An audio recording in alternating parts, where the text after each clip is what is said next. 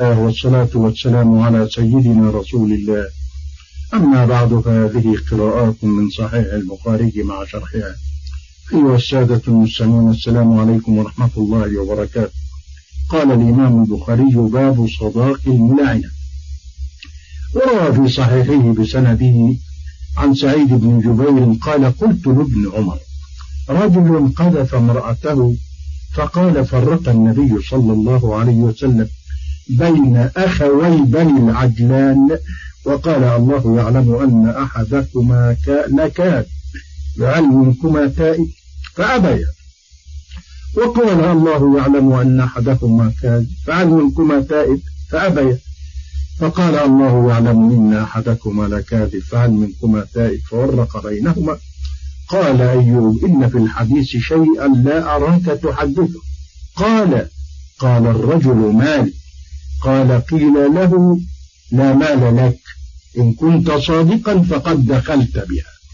وإن كنت كاذبا فهو أبعد منه أقول وبالله التوفيق قول البخاري باب الصداق الملاعنة الملاعنة أي باب بيان حكم صداق المرأة الملاعنة والمراد بالملاعنة المرأة التي لاعنها زوجها. والصداق هو المهر وقد انعقد الإجماع على أن المرأة المدخول بها تستحق جميع المهر واختلف في غير المدخول بها. فالجمهور على أن لها نصف المهر أن لها نصف المهر كغيرها من المطلقات قبل الدخول وقيل بل لها جميع قال أبو الزناد والحكم وحماد. وقيل لا شيء لها أصلا قاله الزهري وروي عن مالك. وعمرو بن زرارة بضم الزين وفتح الراء وإسماعيل هو المعروف بابن علي ابن علي وهو اسم أمه وأيوب هو السخي الطيالي وسعيد بن جبير من خيار التابعين علما وفضلا. وهذا الحديث رواه الإمام مسلم أيضا في صحيحه فهو متفق عليه. قال قلت لابن عمر رجل قذف امرأته يعني ما الحكم فيه؟ وقد أورده مسلم من وجه آخر عن سعيد بن جبير فزاد في أوله. قال لم يفرق المصعب. يعني ابن الزبير. بين المتلاعنين أي حيث كان أميرا على العراق. قال سعيد فذكرت ذلك لابن عمر.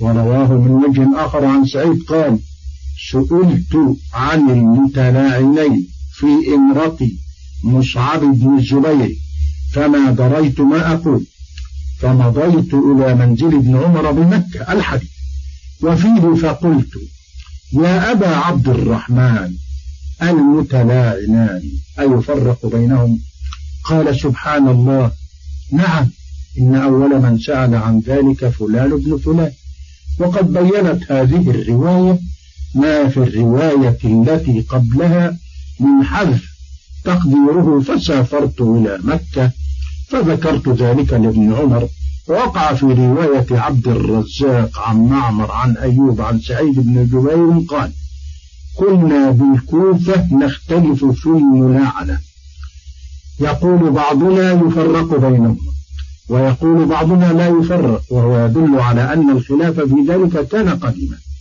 وقد استمر عثمان البتي من فقهاء البصرة على أن اللعان لا يقتضي الفرقة وكأنه لم يبلغه حديث ابن عمر. فرق رسول الله صلى الله عليه وسلم بين أخوي بني العجلان.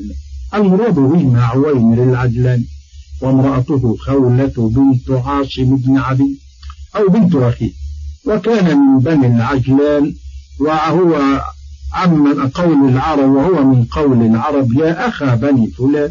للواحد منهم وفي قوله أخوي تغليب للمذكر على المؤنث. وقال الله يعلم أن أحدكما لكاذب فهل منكما تائب فأبيا وفي بعض الروايات كاذب بدون الله. والظاهر أن ذلك كان قبل اللعان بينهم.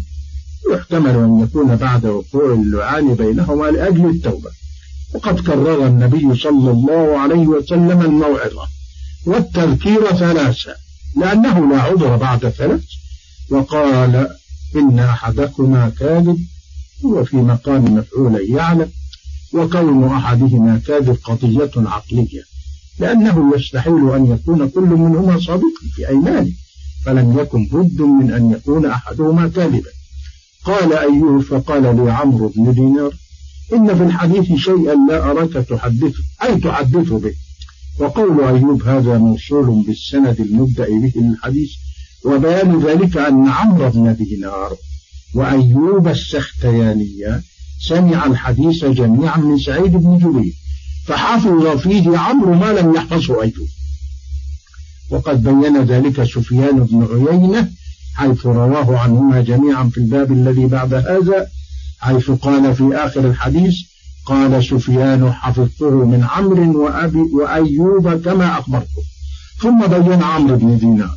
لأيوب هذا الشيء الذي لا يحدث به. فقال قال الرجل يعني الرجل الملاعن مالي قيل له لا مال لك مالي آه، فاعل بفعل محذوف أي يذهب مالي ومراده به الصداق.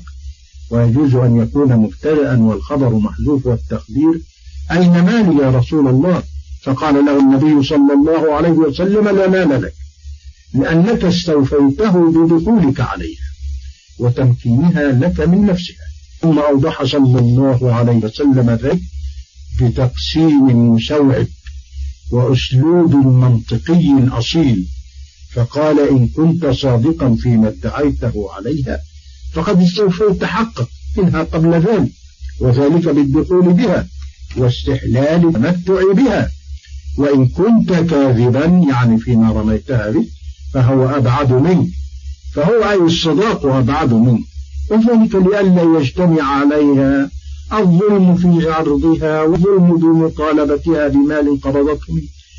قبضا صحيحا مستحقة له. وقد جاء في رواية أخرى البخاري فذلك أبعد وأبعد لك منها. بتكرار أبعد تأكيدا.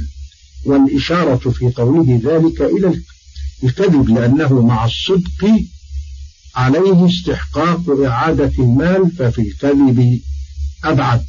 ويؤخذ من الحديث الأحكام والآداب الأتية الأول وجوب الفرقة بين المتلاعنين وهي فرقة أبدية وكان من خلاف في ذلك في بعض الأمصار كالكوفة مثلا. فقد كان ذلك قبل أن تكتب الأحاديث وتدون. وبعد أن وقبل أن تفشو الأحاديث وتبلغ جميع الناس في جميع الأمصار. الثاني استحباب أن يذكر الإمام أو نائبه أو القاضي تذكير المتخاصمين ووعظهما لعلهما أو لعل أحدهما يرجع أو لعل أحدهما يرجع إلى الحق والصواب. وتكرار ذلك إلى ثلاث مرار. الثالث أن الصداقة من حق المرأة الملاعنة استحقته بالدخول واستحلال الزوج لها بالدخول واستحلال الزوج لها فلا رجعة فيه ولا في شيء منه سواء أكان الرجل الملاعن صادقا فيما ادعى أم كاذبا.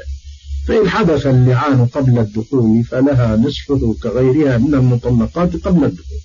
وأما الذين قالوا لا شيء لها أصلا فلعلهم لم تبلغهم الأحاديث في هذا أو تأولوها والله أعلم. وإلى شرح القراءة التالية غدا إن شاء الله.